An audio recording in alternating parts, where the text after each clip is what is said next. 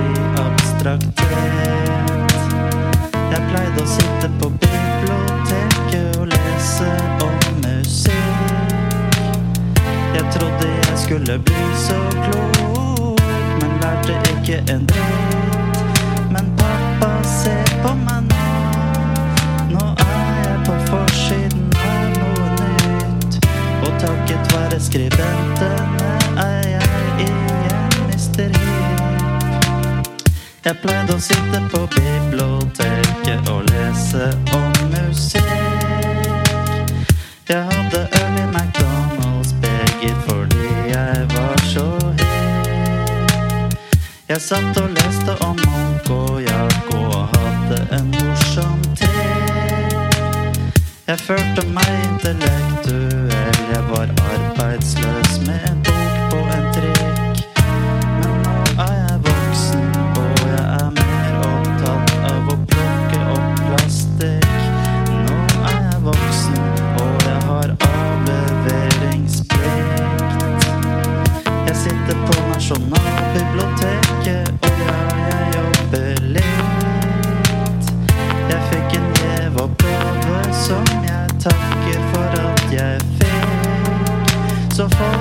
Ta og følg etter, nå skal vi snakke om å skrive om musikk. Og jeg ønsker alle i panelet lykke til.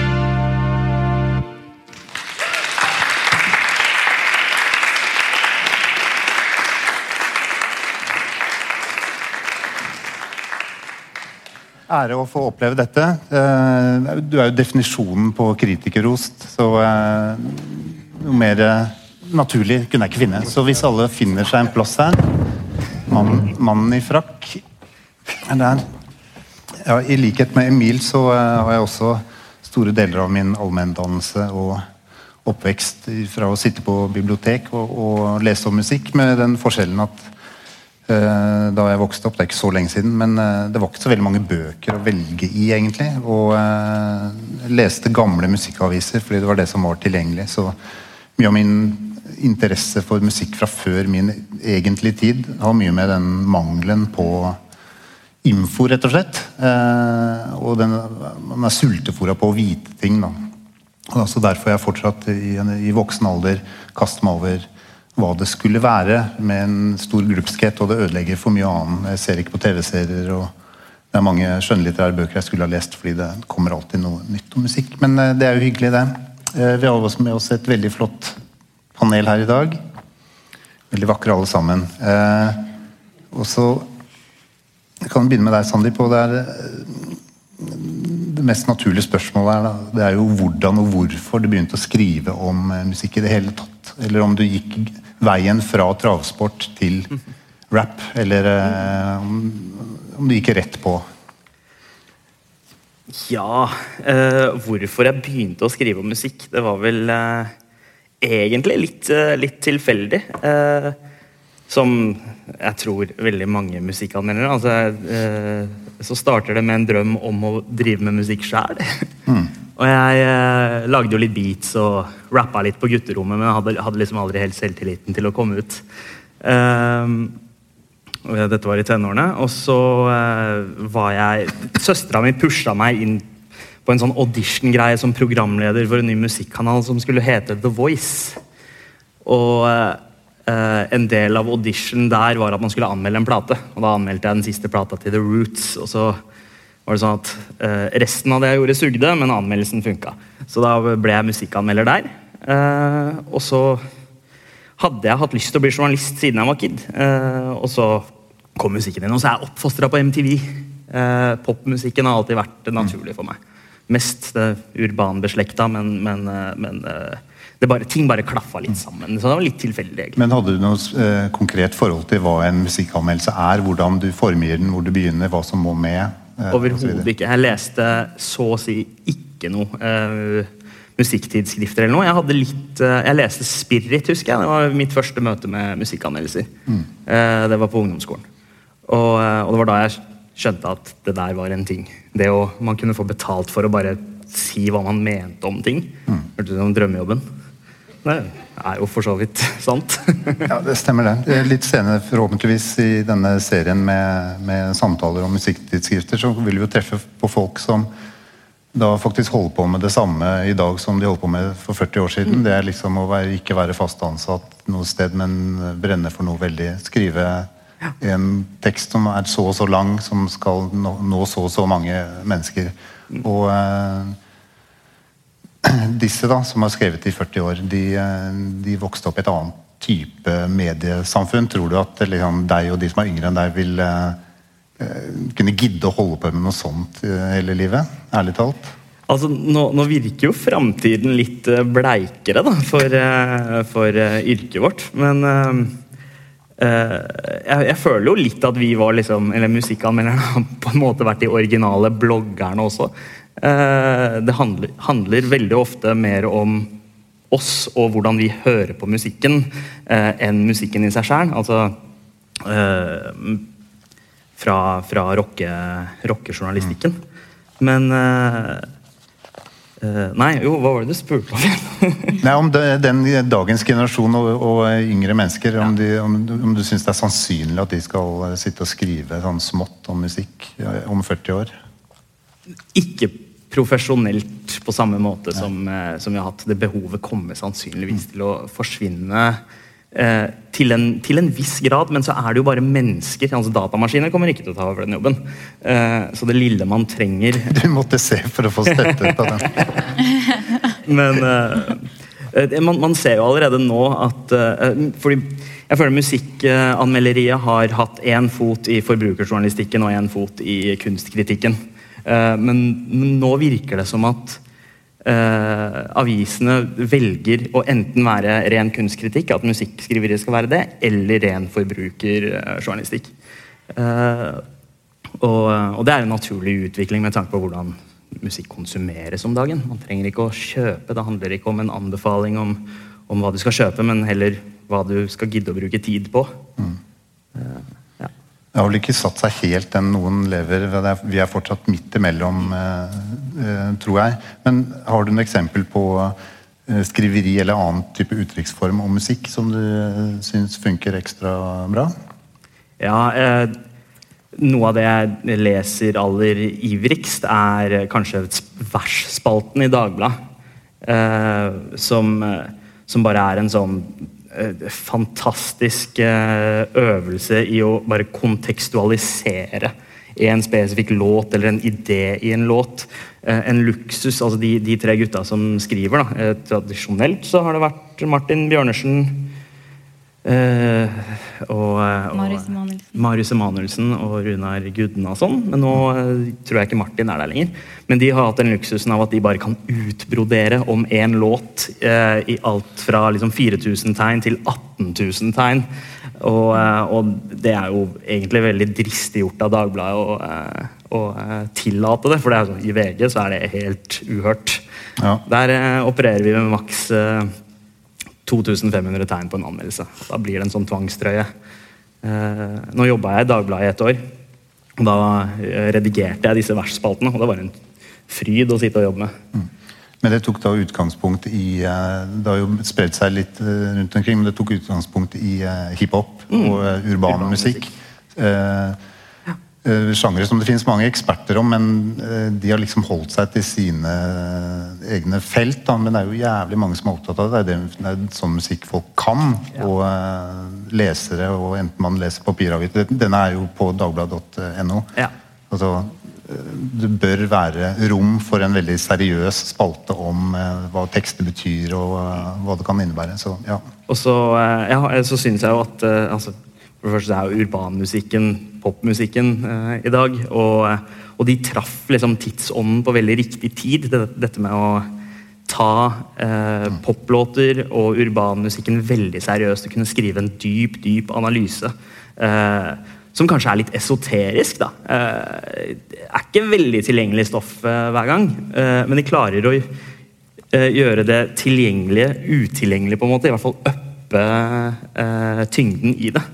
Og eh, det syns jeg er veldig fint at eh, Dagbladet tillater. Jo, men uh, altså, hiphop-tekster er veldig vanskelig å skjønne for, på en veldig sånn kjapp, kjapp måte, selv om det er på listepop. Så mm. det ligger veldig mye bak der. En, en uendelig rad av referanser som man trenger noen til å greie ut eh, for en. Så jeg tror nok at det er en slags eh, litterær forbruksjournalistikk der. Ja, men takk, det var et godt, eh, godt valg. Synne, eh, du er jo ikke en musikkskribent i den forstand, men eh, jeg anser deg som en sentral skikkelse i norsk musikkjournalistikk i dag likevel. Eh, Du har bakgrunn som musiker, men du er først og fremst konsernsjef i eh, kulturgiganten Fanfare, som eh, gir ut bøker, eh, tidsskrift, eh, plater og setter opp arrangementer. Eh, Man må spre seg over mange flater i dag, antageligvis. Ja, ja, eller det motsatte. Spesialisere seg. Ja. Eh, som vel også kritikken, musikkritikken bærer preg av. Ja, nei, men jeg hoppa jo litt over eh, Jeg gikk jo fra, da, fra å spille musikk. Så hadde jeg jo litt pause der. Men jeg begynte med tidsskrift, og det var egentlig da ikke musikktidsskrift bare, men drev med alle mulige kunstfelt. Og så kom jeg da inn i dette tidsskriftet som het Eno. Eh, og derfra har vi da starta en bok etter at det tidsskriftet ble nedlagt. For det var jo selvfølgelig ikke økonomi for et tidsskrift, et musikktidsskrift fire ganger i året. Og så har vi da gitt ut en årbok nå tre år på rad. Eh, som har litt den samme funksjonen. da, Hvor vi prøver å fylle litt det tomrommet som eh, spalteplassen har eh, Eller den trange spalteplassen har etterlatt seg. Hvor det ikke er plass til sånne lange tekster, da, som det nettopp vers er et godt eksempel på. da. Eh, men eh, utvide også da forskjellige sjangere og alt. Men er det sånn at uh, du med dine aktiviteter skal fylle et land som har forsvunnet i din tid? Og uh, var det liksom så flott i uh, før, for den saks skyld? Altså, Jeg vet ikke om jeg er, jeg er jo ikke så gammel ennå at jeg vet om jeg er den riktige som svarer på det. Men jeg tror det er et offentlighetshensyn, ja. Eh, fordi at mediene i dag er veldig styrt av sånn Hva kan man tjene penger på? Eh, hva er det som gir klikk? Eh, hva, også? Eller i andre felt så har man veldig sånn Man kan ikke anmelde en teaterforestilling med mindre den går så lenge at en forbruker kan gå og se på den. ikke sant? Eh, og musikk er det sånn det skal komme på dagen eh, plata kommer ut. Eh, og disse tingene er jo ikke nødvendigvis det beste for sånn hvordan skrive god kritikk. Eh, så det er absolutt en sånn Jeg føler at det er liksom en funksjon jeg, Eller jeg, jeg, jeg føler det som et ansvar da at eh, man eh, prøver å fylle et tomrom da i offentligheten som handler om å bevare en god samtale. eh, På mange måter, egentlig. Ja. Så den eh, årboken med Ene, som jeg også eh, er heldig å få lov til å bidra i, i likhet med veldig mange altså Den er, er jo ikke en eh, det er en årbok som er eh, mennesker fra veldig mange forskjellige miljøer kan finne sin plass i. Da. Men eh, dette med plateanmeldelser, eh, som er et litt sånn kjedelig ord, i hvert fall nå, fordi eh, det skal veldig mye til å, å gjøre det ordentlig godt. Ikke fordi eh, man ikke har eh, det språklige eh, på, sin side, men det at de virkelig viktige store platene, de har man kanskje fem timer på å lytte til, og inkludert skriving. Da. Eh, Og de virkelig store platene som betyr noe i kulturen, en ny skive fra Beyoncé eller hvem som helst, da, den får du som regel ikke dagen før, men samme dag, og den skal også på trykk samme dag. Og hvordan i alle dager klarer man å, å gjøre noe fornuftig ut av det? Nei, også, jeg, jeg har opplevd det mange ganger at uh, noen ting som man kan ha en veldig god opplevelse av med en gang, at uh, man eh, forandrer uh, synet Ja. på den eh, utgivelsen etter hvert. Og sånne ting bør man jo ha litt rom for også å tenke. ikke sant? Og Årboka har jo vi da begynt på litt sent på året. Noen har jo sagt veldig tidlig hva er det jeg har lyst til å skrive om, men så forandrer seg kanskje litt, og så tenker man da i september hva er den tingen som kom i februar, var den like viktig? Eh, men noe som jeg føler går tapt da, i den nye medievirkeligheten, er liksom den derre det sosiologiske utkikkspunktet da, til eh, kritikk. Det handler om å si sånn Hva betyr musikken for eh, oss mennesker? Hvordan, eh, hvor står den seg i en tradisjon, i, i et felt? Eh, hva er det eh, Og masse sånne detaljer ikke sant, som bare går tapt hvis man ikke har plass. Sånn der, som, som er litt vesentlig. da. Eh, hvilken synt er det som blir brukt her? Liksom, eller hvilken produsent, eller hvor mange produsenter? Eh, også bare sånn Oi, hva har skjedd med popen i dag? Eh, oi, hvorfor bruker de så mange forskjellige produsenter? Hvorfor, hvordan kan de ha tre låtskrivere? Hvordan funker en sånn session? Det er ting som er sånn Hvordan lages musikk? Eh, og hvilken kontekst lages musikken innenfor? Eh, det er sånne ting som forsvinner når man bare skal snakke om hva mener jeg om dette? Men derfor er det greit å kunne starte sitt eget forlagshus. For å få utløp for de eh, impulsene der. Men eh, fanfare gir jo da også ut musikk, da. så her er- sitter man ikke, altså ikke på begge sider av bordet, men eh, med et totalt overblikk over det skapende. For kanskje det å skrive om musikk ikke bare er et rent journalistisk virke, men også en, en, ja, en slags kunstart. Da. Skrive om den. Ja. Ja, det tror jeg. Det kan være Det det. kan være det. Ja, absolutt. På sitt beste er det det. Men har du et eksempel på noe du syns eh, fungerer ganske ålreit? Ehm, eh, ja, jeg liker også vers, men uh, skal ikke si det.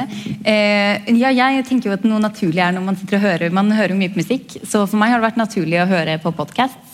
Eh, og det er, funker utrolig bra. Fordi så Ukentlig så hører jeg på den eh, New York Times sin eh, Popcast, som den heter. Eh, og den, nå er det, De fikk en ny programleder for et år siden, så nå er det, han er litt sånn pubertal. Så det er blitt litt sånn umoden gutteklubbstemning. Men, eh, men, men det er en veldig sånn når vi snakker om det sosiologiske, så er det en vesentlig ting å bringe flere stemmer inn. Eh, og det de da gjør, er at det finnes mange da det kommer en plate, eller en, det er en tendens, eller et eller annet sånt. Og så er det mange forskjellige folk som har skrevet om en eh, en ting, og så henter inn i studio. Og da har alle de forskjellige eh, innfallsvinkel til det de skal skrive om. Så noen mener den er god, andre mener den ikke er så god. Eh, noen kommer fra en helt annen redaksjonell profil. Eh, og i dette møtet, da, eh, og de allerede ikke sant, behandla det redaksjonelt, eh, så, så, så blir det veldig spennende samtaler om musikk. da. Eh, og det, det, det setter jeg pris på. Mm. Ja, men Det var også et godt svar. Nå går vi over til deg, Lars Finnborud, som er eh, skjønnlitterær forfatter, eh, kunstkurator og mye annet. Også tidligere artist i sjangeren hiphop eh, for en stund siden. Du skriver Du har gitt ut romaner, essaysamlinger, kunstkataloger en masse, og, men skriver ganske mye om musikk fortsatt i alle disse sjangerne. Hvor du bruker mye fantasi, men også små detaljer fra kunst- og musikkhistorien og gnir det inn i en selvbiografisk masse. Eh, Ville det vært mulig for deg å skrive en ren tekst om en ny plate og sende det inn til Morgenbladet? Liksom, hva er dette? Utenom å eh, gjøre det delvis skjønnlitterært. Uh, nei, det er marerittet mitt å være musikkanmelder. Ja. Eller dagsjournalist. Jeg vokste opp med en far som har vært det. Å gå hver dag på jobb og måtte mene noe om norsk musikk eller norsk politikk som skjedde i går, det, det virker for meg som altså, jeg vet ikke, det, ikke, det er ikke måten jeg skriver på. Jeg, jeg trenger mye mer tid, jeg trenger mye mer usikkerhetstid. Så det er sånn marerittet mitt, mitt hver gang jeg tenker på å slutte på jobben, så tenker jeg at da kommer jeg til å få jobb i sånn Nettavisen om å produsere 36 saker. Og bare det er liksom ikke slutte jobben. Bare holde. Så nei, nei jeg svarer til det. Mm. Men eh, det er jo ganske stort reservoar av eh, minner, da. Eh, hva når de går, når det går tomt for det? Ja. ehm, jeg vet ikke, det forandrer seg hele tiden måten jeg skriver musikk på. Altså, I starten så var jeg jo egentlig ikke at jeg skrev så mye. Jeg skrev liner notes. Jeg drev et plateselskap som ga ut gamle jazzplater. Og så skre, skrev jeg liner notes, og så begynte jeg å skrive for Vinduet under din redaktørperiode. Og det var jo nærmest en sånn naturlig fortsettelse på det, hvor jeg så meg selv som en sånn derre jeg vet ikke, Messias ridder som skulle forsvare sånne glemte komponister, eh, rappere, artister, hva som helst. Og så kom liksom den kunsthistoriske bakgrunnen min inn, da, som, som den akademiske bakgrunnen, så disse tekstene var ganske tørre. Så utviklet det seg plutselig at jeg bare stoppet helt med det på et eller annet tidspunkt, og fant ut at jeg, jeg måtte skrive på en måte en helt annen måte, pakke det inn skjønnlitterært, bruke mer av meg selv, eh, tilpasse meg det, og det var liksom den derre lure folk inn sånn 'Kom, lille venn'. Og sånn, eh, 'Jeg skal lure deg inn til musikken gjennom å skrive en fengende historie, en rar situasjon', og så greier jeg på en måte å lure inn også en artist eller en låt jeg liker. Uh, og nå vet jeg ikke helt hvor jeg står der, egentlig hvor, hvordan jeg skriver om, om musikk i dag. For jeg, jeg har faktisk ikke skrevet om det på to, to år, tror jeg. eller noe. Så, men uh, men jeg, jeg, jeg, starter alltid bare med en Jeg vet ikke. Starte med en følelse, starte med en, et liksom, temperament. starte med eh, det, det er ikke sånn at jeg trenger nå lenger å, å dra frem en, en eller annen komponist eller noe annet. Det er mer uh, Musikk er en veldig stor del av livet mitt. Og, ja. Men på den tiden da du begynte å skrive også, og involvere deg med katalogtekster og, og det å gi ut uh, gammel musikk på nytt, det var også i eh, det var en periode da det å se tilbake på den, nye, eller den nære norske historien eh, altså, Det var behov for det, fordi mange var glemt. Eh, og de føltes ikke viktig. Og, men nå er det veldig mange som har blitt husket eh, i, i mellomtiden. Og man griper seg stadig dypere og dypere inn i, inn i arkivene. Og hvor kommer man ut til slutt? Nei, altså du, snakker med en som har lagt ned reissue-plateselskapet sitt, så det sier vel kanskje sitt. At, ikke det at jeg føler at det ikke er ting å gi ut eller historie å fortelle. Det tror jeg du må bare se med nye briller. altså for eksempel, Om jeg plyndra et musikalsk arkiv, så gjorde jeg med det med mine briller. da. Jeg vil liksom gi ut en liksom, tonegenerator elektronisk musikk av Arne Norheim og Kåre Kolberg. Så håper jeg det kommer en 23-åring som digger den utrolig kjipe perioden som jeg syns fra 1987 til 1994, da, med noen helt andre synter, som jeg har bare oversett og sånn. Så historien skrives jo bare at det er et sånn lay, sånn delay på 40 år, liksom. Men eh, Nei, altså, jeg, jeg husker han Jørgen fra Metronomikum. Han går alltid, Hver gang jeg møter han, så sier han jeg har lagt ut sånn, jeg sitter hjemme og så lager jeg fake glemte artister. Og så stapper jeg inn sånne labels, og så håper jeg at du skal gå på en bruktshop og plukke dem opp, sånn at du skal gi ut en fake plate. På grunn av når jeg er så lei at det kommer så mange historier. Og det skal være liksom stoppen på det. Så jeg forstår den tankegangen nå at ja, mye, er- mye er fortalt. Og for min del skjedde det egentlig rundt sånn 2012-2013, og bare internett bare flødda det. Altså når du virkelig fikk disse kanalene som bare gjorde at det jo liksom Det fysiske formatet som det, det, Alt lå tilgjengelig uansett på en eller annen mix eller torrent eller, eller YouTube. da. Så mm. Men i din uh, gravearbeid så uh, altså Det har jo vært skrevet historiske artikler om norsk pop og jazz osv. Men uh, noe som du var flink til å, å grave frem, var jo da gamle anmeldelser og små notis eh, Du brukte arkivet på en sånn historikers vis, men om gammel pop og jazz. Og hvordan eh, ble det skrevet om populærmusikk eller kunstmusikk eller klassisk for den saks skyld i avisene i Norge på 60- og 70-tallet? Du som har lest veldig mye av det. Eller mer enn oss andre, kanskje? Bare ta den der Ja, fiken der. det er brillene mine. Ja.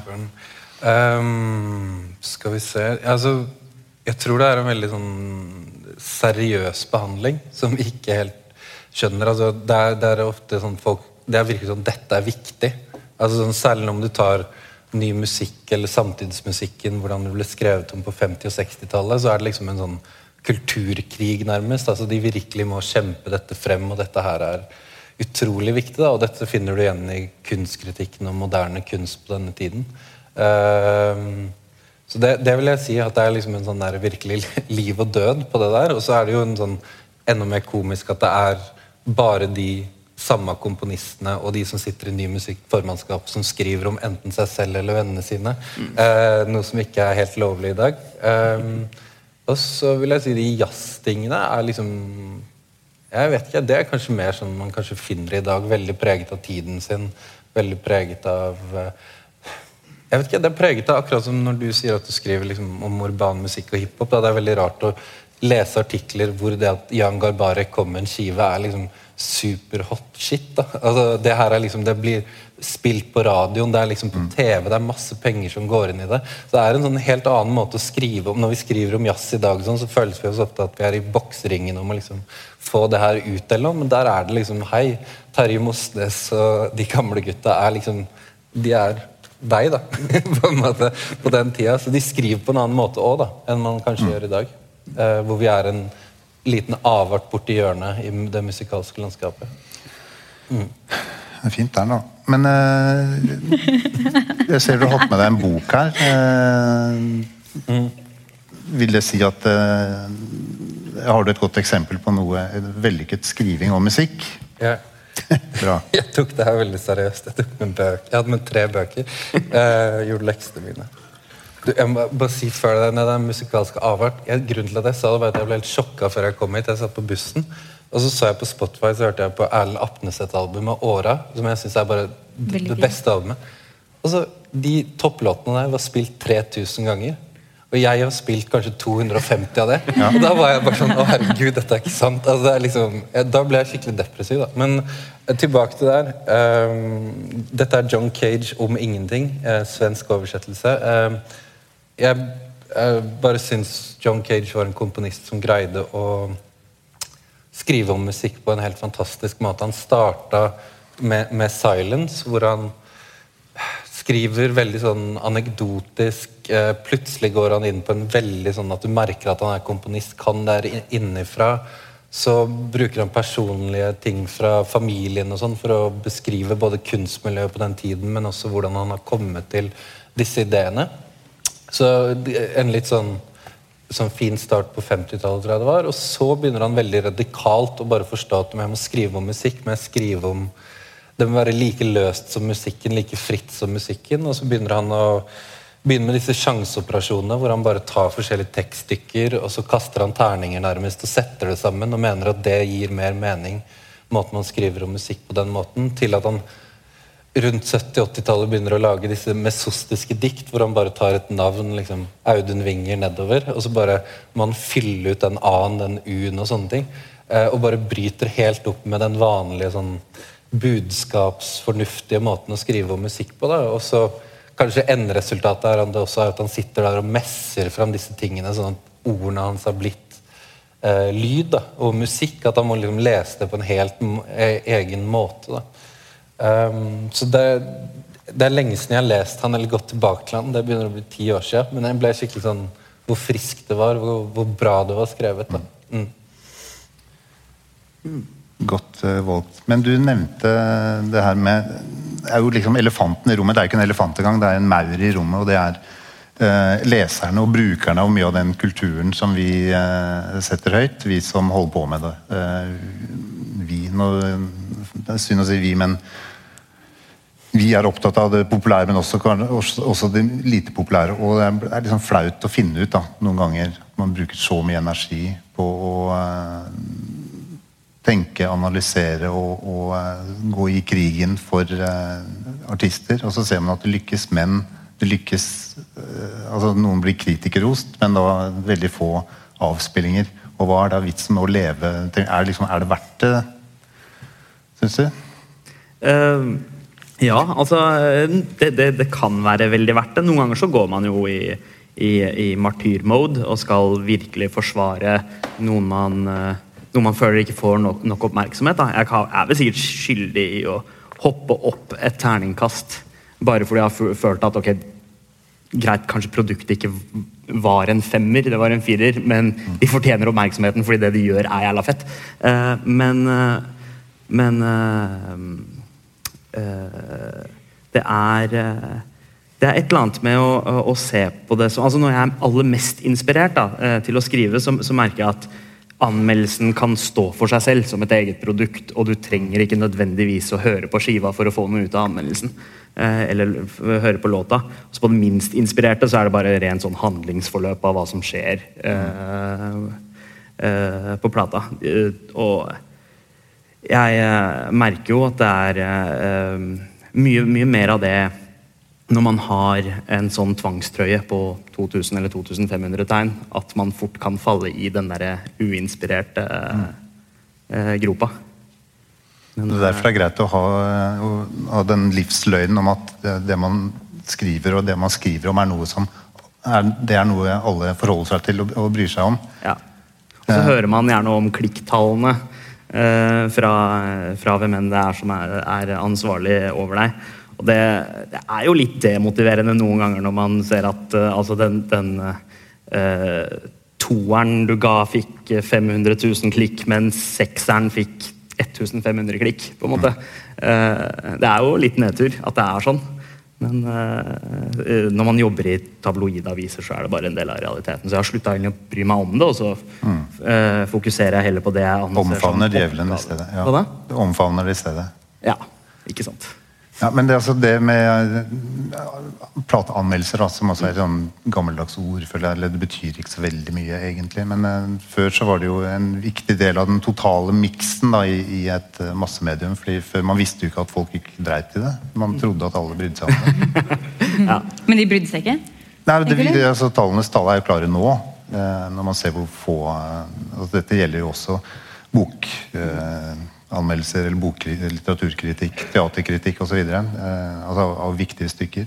Men eh, skal man la det bestemme likevel? Ja, jeg gikk rett i sånn forsvarsmodus. Jeg, bare, jeg begynte med sånn inni hodet sånn eh, Nei, men, eh, men så Jeg tror man skal være ærlig på at det er et uløst spørsmål. Og at jeg tror at man kan bli desorientert og deppa og lure på eh, hvor er det kritiske fellesskapet, og hvorfor driver man det hvis ikke folk har lyst til å lese det. Eh, og at det er en slags, eh, at det er et slags premiss da, for at man driver med det man eh, gjør. Men eh, jo da, det er det. Eh, jeg tenker jo at Ja. Det var sånn hvis man tenker på sånn forbruker eh, om, om kritikken var forbrukerstyrt, da, så var det jo en tid da VG-lista var helt sånn enormt sånn viktig som sånn tallknuser på hva som var populært og ikke. Eh, mens eh, i sånn der Spotify-strømmingalderen er ikke liksom, det er ikke like sånn eh, Der har VG-lista mista litt sånn eh, sin plass. da, Så den er ikke så styrende. Så det er liksom veldig spredt utover mange forskjellige liksom, Man kan streame på veldig mange forskjellige måter også. Eller, og noe er godt for noen sjangere. Og, så videre, da. og mange kan streame godt. Eh, men eh, eh, der tenker jeg eh, at eh, kritikken da, blir jo en slags eh, en forbrukerveileder på en litt ny måte. da. Eh, og, det er, eh, og det kan være fungere litt sånn som det gjør i dag. Litt sånn eh, bestilling-leveranse. Fordi det sitter masse folk som har lyst på, eller artister som har lyst til å bruke disse anmeldelsene til å si sånn Se hvor stor suksess jeg har. Eh, og så putter de opp liksom, de fine tingene fra en anmeldelse, pluss en terningkaststjerne hvis eh, anmeldelser bruker det. Eh, og så er det egentlig ikke så viktig hva som står. Ikke sant? Selv om noen kommer med en sånn kjempegod analyse, eller noe sånt, så kan de putte Eller det er en slående dritdårlig eh, kritikk. Eller nå mener jeg bra kritikk, men eh, dårlig resultat for, anme- for eh, anmelderen. Så kan man likevel finne den ene setningen hvor det står bra. Ikke sant? Og det handler om å bygge en slags historie om hvordan går det egentlig. Ikke sant? Man kan finne på det. Det er, en, det er egentlig en fiksjon, det. Man trenger ikke engang å forholde seg til virkeligheten om hva egentlig noen sa. Eh, og det tror jeg noen man har, man har lagt seg litt etter da, i, de, i redaksjonene. At man tenker at det er heller viktig å få det her noen som siterer deg, eller noen sånn, fordi det er en sjanger, da er det synlighet forbundet med det. ikke sant? Eh, Istedenfor å tenke at nei, det er viktig å faktisk stå for noe. Det er viktig å eh, ikke spille på disse, disse tabloidreglene. Eh, og det er viktig å lage en kritisk samtale eh, som faktisk evner å se gjennom dette spillet som noen har skapt av en fiksjon. da. Eh, og i en, i, jeg tror at hvis man mister det, da, så mister man eh, ganske mange Man mister mye fakta og sannhet, og man mister eh, mye vesentlig hva musikk er, og muligheten til å skape bra ting. da. Men det er interessant det du nevner om at det blir eh, brukt, og det gjelder jo i alle, alle divisjoner av eh, musikken og kulturen i dag. Og jeg har jo mye med jazz og eh, improvisert musikk å gjøre, og de reglene gjelder definitivt også der. Og eh, ja, jeg trodde det var noen som ble sinna, men er greit. Men eh, da får jeg stadig vekk eh, nye CD-er eller eh, nedlastningslinker med ja, et fint presseskriv som er velformulert for så vidt. Og vi vil gjerne at du skriver om dette i Dagens Næringsliv, der jeg skriver mest, eller ukentlig. Eh, og send det gjerne tilbake til oss, for eh, dette er viktig det er viktig for oss å sende tilbake til eh, de som har gitt oss penger. Slik at vi kan gi ut den neste. Så de vil egentlig, altså det, er ikke, det er ikke det som står der. Eller håper du liker det, eller håper du forstår hvor vi vil. Håper du kan eh, komme med fyndige analyser eller dikte videre på vårt verk. Det er mer det Okay. Vi må bare ha den spalteplassen. vi må ha den spaltplassen slik at vi kan få de 20 eller 100 000 kronene.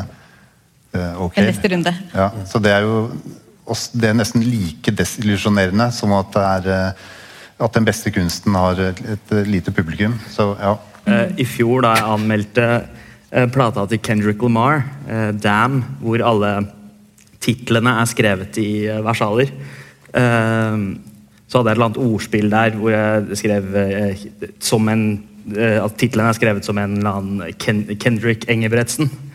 Fordi eh, Kenneth Engebretsen, en norsk rapper, er kjent for å bare snakke i Ja. capslock eh, konstant. Og eh, i presseskrivet hans eh, noen, det var vel uka etter, så sto det Vega sammenlignet Kenneth Engebretsen med Kendrick Lamar. ja, men det er jo bra, det. ja, ja, det er lov å, lov å strekke det litt. Men eh, jeg, jeg tror bare sånn, siden jeg introduserte Spotify-statistikk og sånn eh, for, å, for å snu 350 grader, holdt jeg på å si, eh, 180 grader, eh, så er det Jeg tror det er enda viktigere i dag, da, eh, hvor vi blir overført av overflommet av bilder av musikk, hvor du kan sitte på gutterommet ditt og lage en låt, og så faktisk kan du få verdensdistribusjon etter liksom syv timer. da. Det er så lang tid det tar for å bli godkjent. liksom. Da er det så, Jeg syns det er egentlig rart at ikke det har ført til en renessanse for kritikere. da. Altså sånn, om man, jeg husker jeg, eh, Vi jobba med en, en samtidsmusikkfestival ute på Høvikodden for ti år siden. og Da var det sånn viktigst mulig at Den varte i 24 dager da. Det var om å gjøre å premiere mest mulig norske verk. altså det var bare sånn Motto var liksom mere å brette det ut. da. Og så prøvde jeg å si ja, men altså det er akkurat som du skal arrangere en kunstutstilling hvor du tapetserer alle veggene og taket med malerier, og så sier du at du gjør kunstneren en tjeneste. liksom. Du bare, ja, Alle kommer til å være kompis med deg og si at du har liksom bretta dem ut, liksom. men det ødelegger jo kunsten i den lange på den lange veien. da, så jeg, jeg, jeg mener jo at det er egentlig litt rart at i disse dager hvor det bare flommer og du skytes ned av ting, at ikke den gatekeeper-rollen og den der kritikerrollen har bare blomstra opp. For det burde den jo egentlig absolutt ha gjort. Og igjen det der klikkhoreriet. altså jeg, når du ser på den der Stockhausen-konserten på Høvikodden, som visstnok er liksom så utrolig viktig Det er ingen der. Det sitter syv stykker der. Ingen bryr seg. Det er den mest kanskje omtalte konserten i det tiåret i Norge.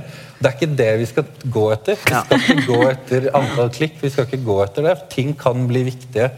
Ting, det, det skjer noen rare ting som ikke mennesker forstår, og som man ikke kan måles i tall og sånne ting. Eh, og det, det, det glemmer man helt. da.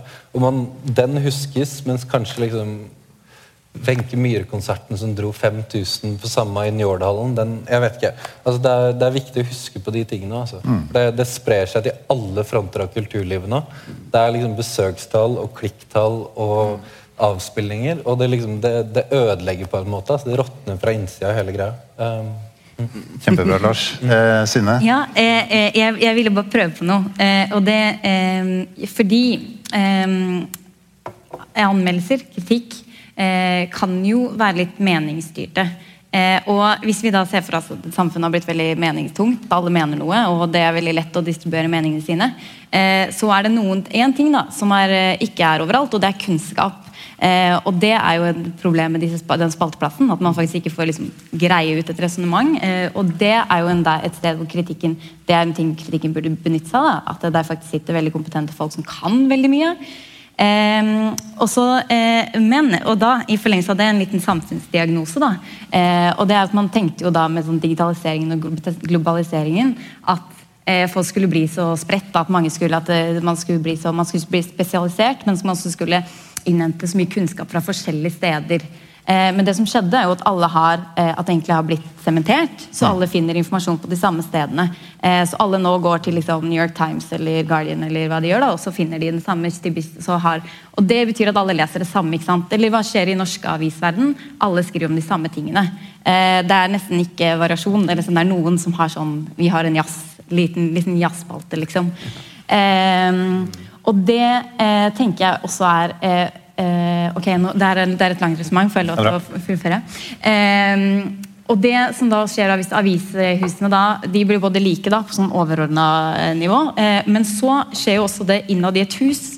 Fordi du har da ikke et redaksjonelt miljø for musikk lenger.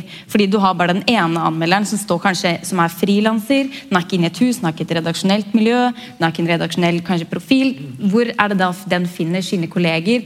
Sitt miljø? Jo, det er gjennom andre aviser. Eh, så du har liksom to måter ting blir likere på. Mm. Eh, og det tenker jeg er en ting som eh, gjør, skaper mindre interesse og funker mer som forbruker eller som Det funker, blir mer en del av det sirkuset da, som handler om å bygge opp liksom, suksesser. Eh, fordi det sementeres da rundt hvem får den, den, store plata først, eller den store suksessen. Eh, hvem er det som klarer å liksom, grabbe til seg og si sånn 'Jeg var først ute med denne'. Ja. ja. jeg tror jeg, ja. Den, den, kunne dratt lenger, jeg kunne dratt lenger. Men er det sånn øh, øh, hverdagen er? Uh, ja, altså uh, på, på, en måte. Jeg møter mine anmelderkollegaer uh, kanskje to ganger i året. Jeg er på Øyafestivalen, og så er det julebord. That's it. så det blir sånn.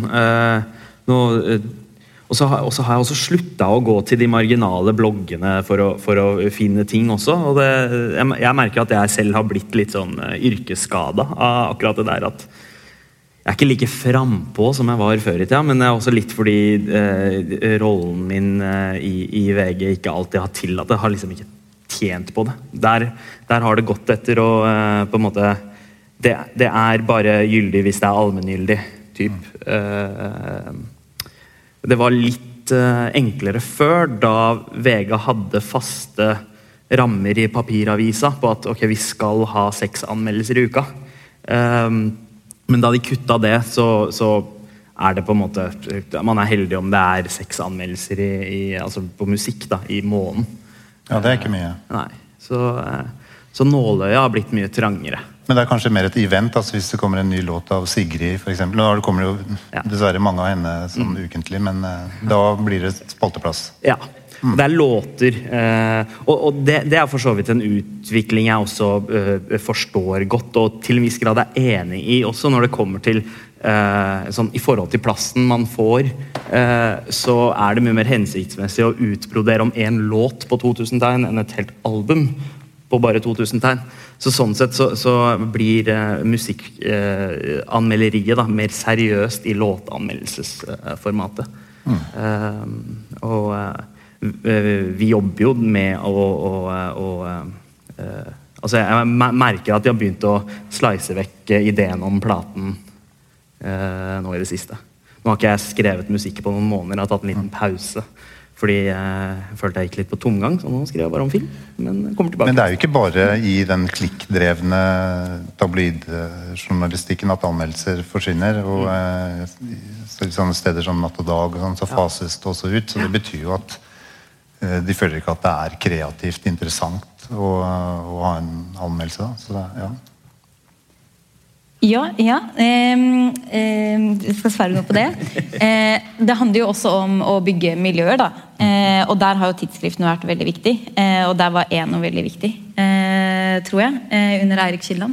Så, og det bygde jo da en skribenter som hadde, da, og det var et stort miljø. Det var veldig mange som var tilknyttet.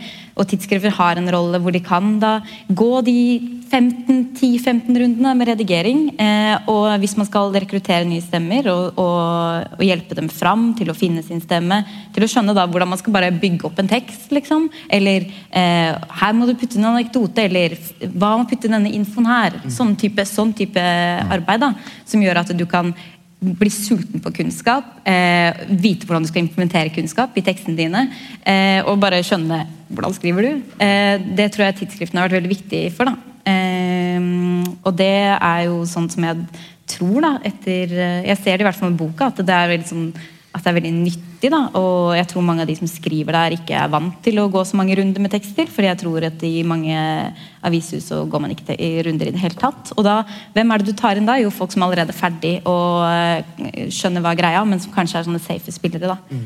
Jeg har ikke inntrykk av at det er veldig mye redigering i norske avishus. Bortsett noen feature-artikler, eh, men bortsett fra det veldig lite. Men da blir det også veldig lite spennende tekst. Eh, og der tror jeg at det, hvis sånn, eh, Jeg tror ikke liksom, eh, årsaken er bare Nei, det er ikke interesse for det. Eh, men det er ikke interesse for, eh, for flate anmeldelser som bare sier noe 'Dette likte jeg, og dette likte jeg ikke'. Eh, anmeldelser eller kritikk og eh, tekst og musikk eh, må på en måte være en, en mye større veileder enn det. da.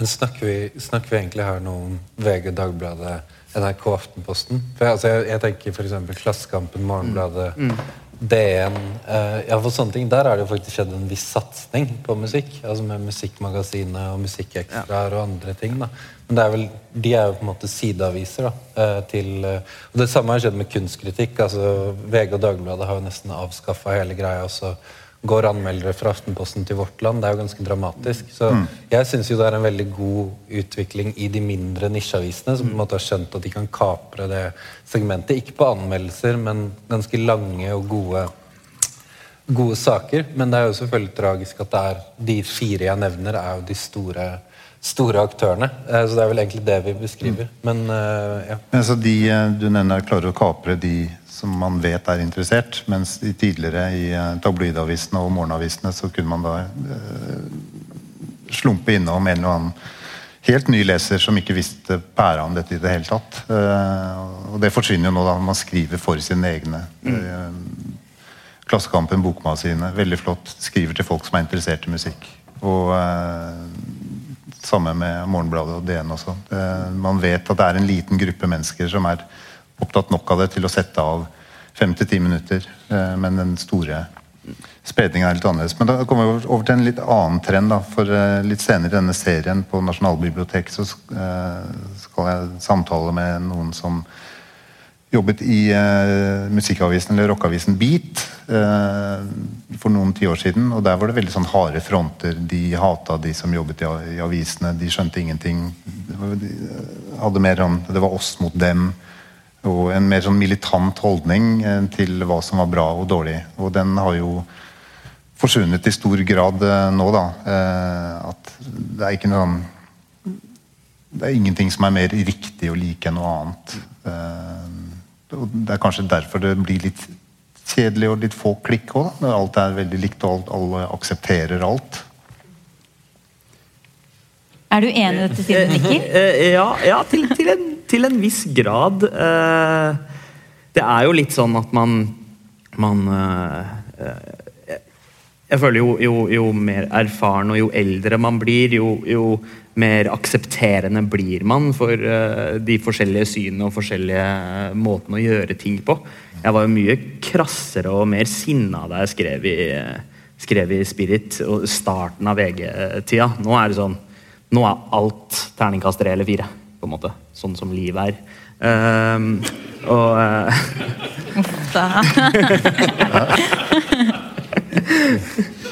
Men eh,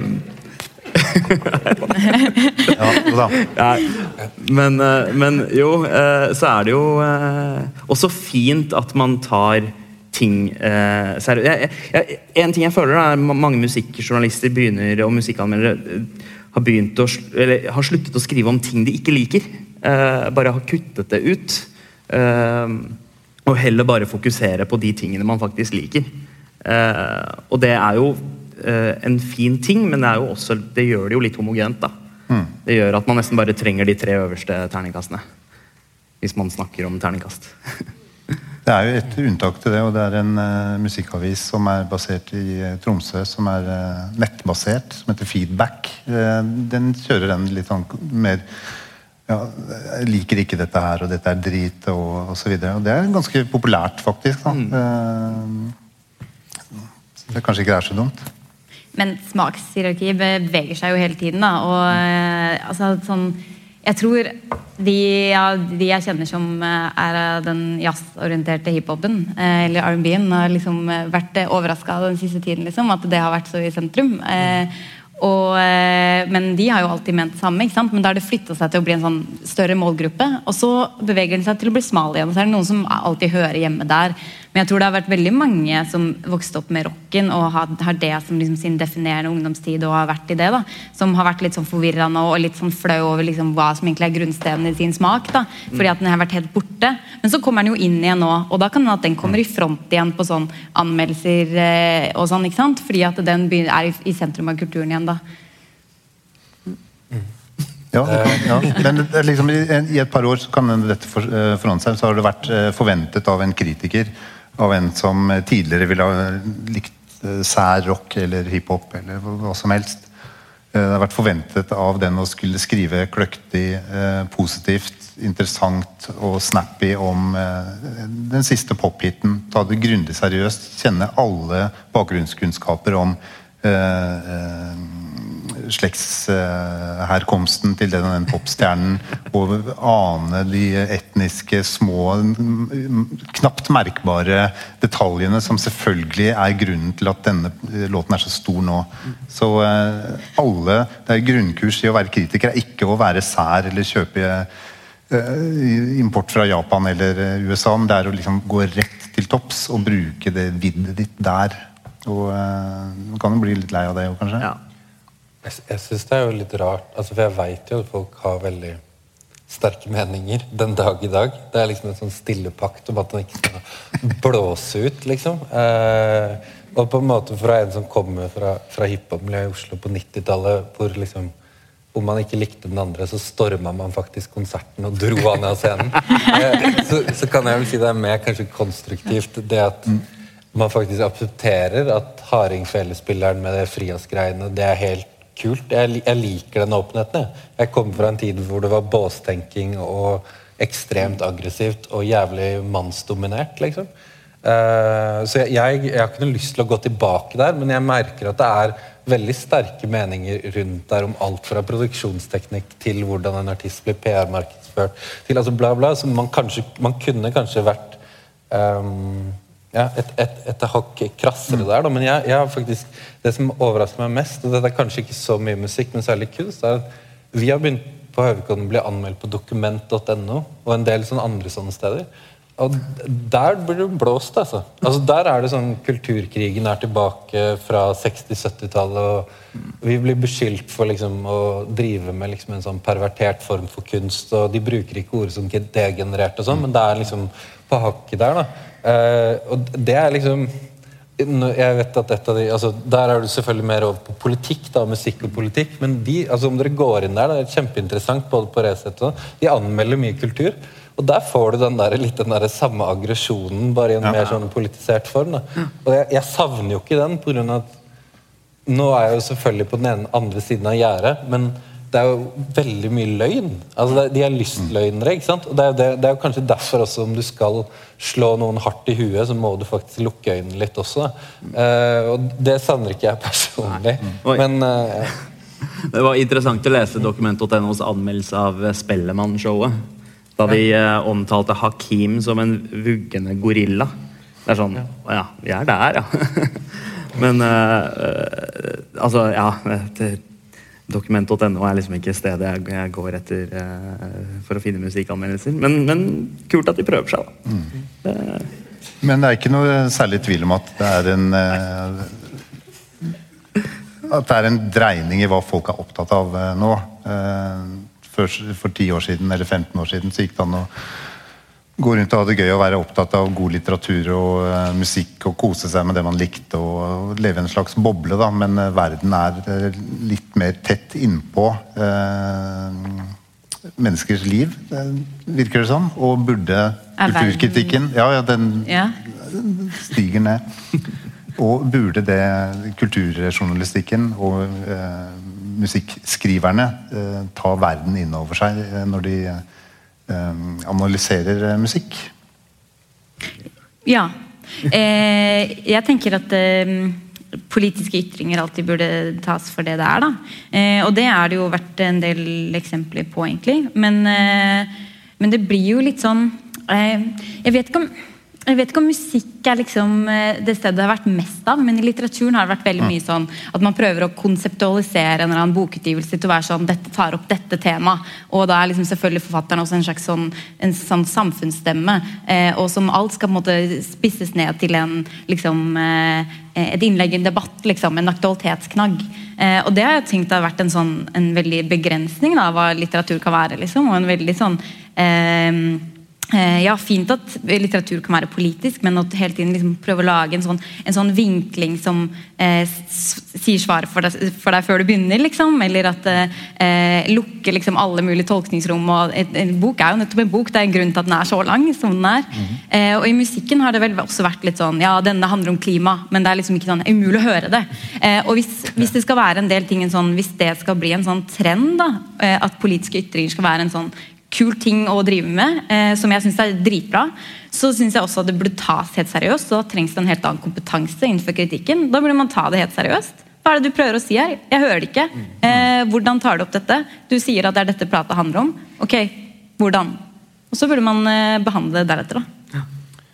Uh, det tror jeg du faktisk har helt rett i, Synne. fordi man, eh, Som en hyppig leser av eh, presseskrivet osv. Så, videre, så ser jo at eh, artistens intensjon, eller den som utgir artisten, får som regel sitt syn rett ut. da. Så hvis man sier at denne plata handler om klimatrusselen, så blir det tatt for god fisk, og det, det står det i tittelen fordi det er nærmest er salgbart. Ja. Mm føler også Guardian er, litt sånn uh, synder der på nesten uh, liksom uh, putte agendaer i munnen på artisten og artistene de anmelder. veldig mye liksom identitetspolitiske ting og sånn som egentlig ikke er der, som bare kommer opp. og det er jo Det blir jo litt sånn Det oppstår jo en slags inflasjon da, i, i at musikk skal bety så innmari mye hele tida. Og da da koker det over etter hvert. Mm. Men jeg synes Det er veldig fett at folk prøver seg på det. Eh, da, men da tenker jeg også at man skal liksom kunne tørre å si sånn Dette feiler du på. Mm. Det handler ikke om det. Eller du er ikke on point i din identitetspolitikk. liksom. Mm. Det syns jeg burde være kult å si også. da. Tilbake fra kritikerens standpunkt. Ja. Det har du helt rett i. Men da må jo kritikeren også liksom det må være en kompetanse som kritikeren begynner å sette for seg. Ja, som også trengs, eh, kan bruke eh, i hvert fall noe, mer enn eh, fem minutter på å komme frem med det resonnementet. Og bruke tid med, med, det musikalske verket for å, for å komme fram til, til, de slutningene. Men det er jo annet med, med, med, virkeligheten som også de som skriver om musikk, burde ta inn over seg. Og det er jo, det er jo eh, bransjen, f.eks. Er det viktig? F.eks. Sånn sportssidene, som før bare handlet om eh, kos og gutta eller gullmedaljer, handler nå i økende grad om eh, brudd, altså underslag, korrupsjon osv. Fotballbladet Josimar, som er veldig populært, det er, jo, står faen meg aldri om fotball der. Det er jo bare eh, gravejournalistikk om underslag osv. Eh, men dette burde også kulturfeltet og musikkfeltet ta over mer og inn over seg. For det er jo enorme summer, pengesummer det er snakk om. Og også fellesskapets eh, midler. ja. Er, jeg er helt enig, jeg er bare ikke mannen til å gjøre det. Nei, ingen som melder seg som grave, gravejournalist i musikkbransjen. Det bør jo starte fra redaksjonelt hold, da, tenker jeg. Ja. ja festivalbransjen, loopen på den. Altså, det, er, det er masse støttepengebransjen. Der kunne man skrevet Jeg tror ingen savner programmusikk, men uh, en politisk vridning på strukturene rundt hele bransjen og sånn hadde vært uh, utrolig interessant. Altså, men samtidig sier vi det her, og så har liksom det siste halvåret egentlig vært Black Lives Matter og 100 politiske plater som er kommet ut. Så ja, altså politikken har vært ganske mm. fremme egentlig når Kendrick Lamar fyller liksom var det Telenor Arena. Ja. Så er det jo en ganske Har jo det blitt dratt inn i musikken, da. Mm. Men det forsvinner jo på en måte når ikke noe VG skriver om det. Men, eh, eller jo, VG, altså, det, er sånn, det, er jo ikke det som kommer frem. på en måte. Det blir jo bare nok en sånn der 30 eh, 000 samlet på Telenor Arena. liksom. Det var en stor, fin kveld. Det er jo ikke noe sånn, drar ikke noe linjer til det politiske budskapet, egentlig, syns jeg. Men jeg tror mange er der pga. det, faktisk. Mm. Ja, eh, det er mange, mange spørsmål. Eh, Vi kan ta det veldig kjapt. Hvorfor er det bare mannfolk som holder på med det? Hva skjer i fremtiden? Eh, blir det bare snakk på eh, Du nevnte podkast i sted. Før så var det jo et tørke på det i norsk sammenheng, men nå er det litt for mange. eh, uten at kanskje noen hører på det. Eh, er det noen fremtid for eh, det skrevne ord? Det var to spørsmål.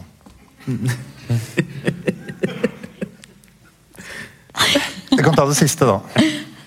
Uh, ja, hvem er det som skal svare? Ja, du kan svare om det er noen fremtid for det skrevne ord for eh, fremtidens generasjoner. altså De som eh, er opptatt av bruker medier i dag, bruker medier hele tiden. Men Ja. er det så veldig mye av det skrevne ord? Eh, Og er det andre måter du kan utfolde deg som musikkjournalist på, bortsett Ja. Mm. fra tastaturet?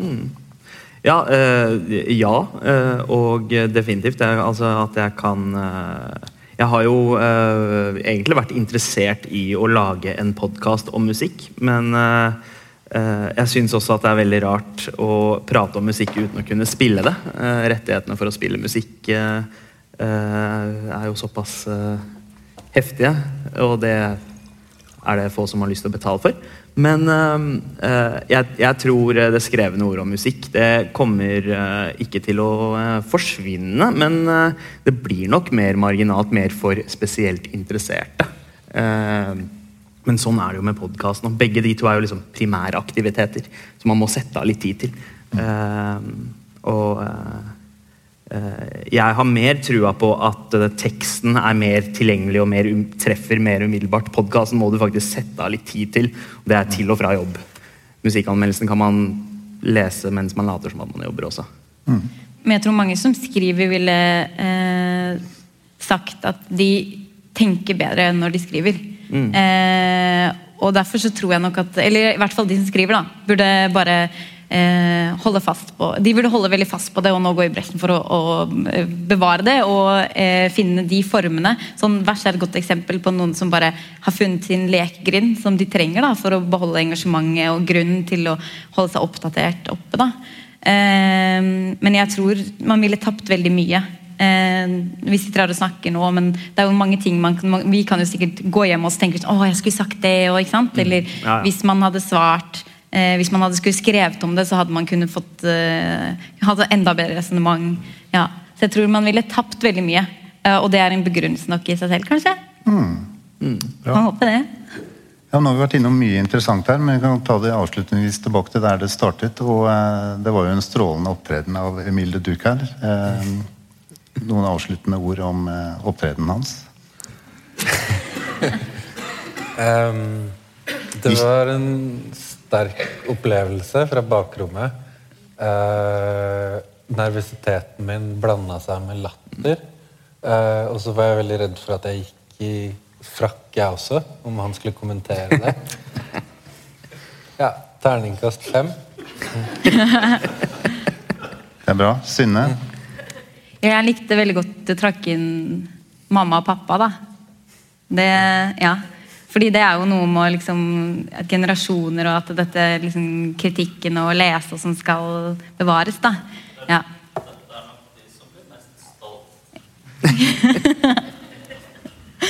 ja. Ja, Og ikke, ikke minst produksjonen, da, som egentlig alltid er fet når den kommer fra uh, Emil. Men det var uh, fett sound. Han får ikke nok skryt for soundet sitt. Det, Kult med de punkterte liksom, eh, greiene som skjedde inni der. ja, så litt sånn geléaktig geléaktig så Du veit aldri helt hvor den treffer. Sånn litt bak.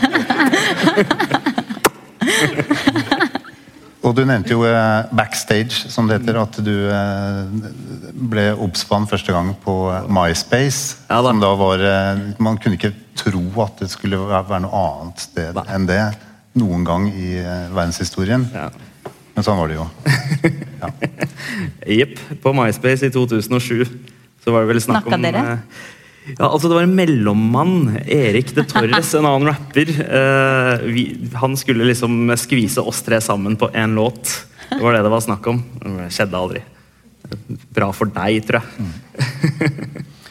Men da vil jeg takke for samtalen, takke for musikken. Og for den som er lurer på hva musikkritikere egentlig mener, så kan de sjekke med Zuckerberg og de Cambridge Analytica-folkene. Så kan de få tilgang på chat-historikken til alle oss fire. Så uh, tusen takk for oppmøtet. Og så er det veldig mange flere musikkdebatter her på Nasjonalbiblioteket utover året. Takk for det.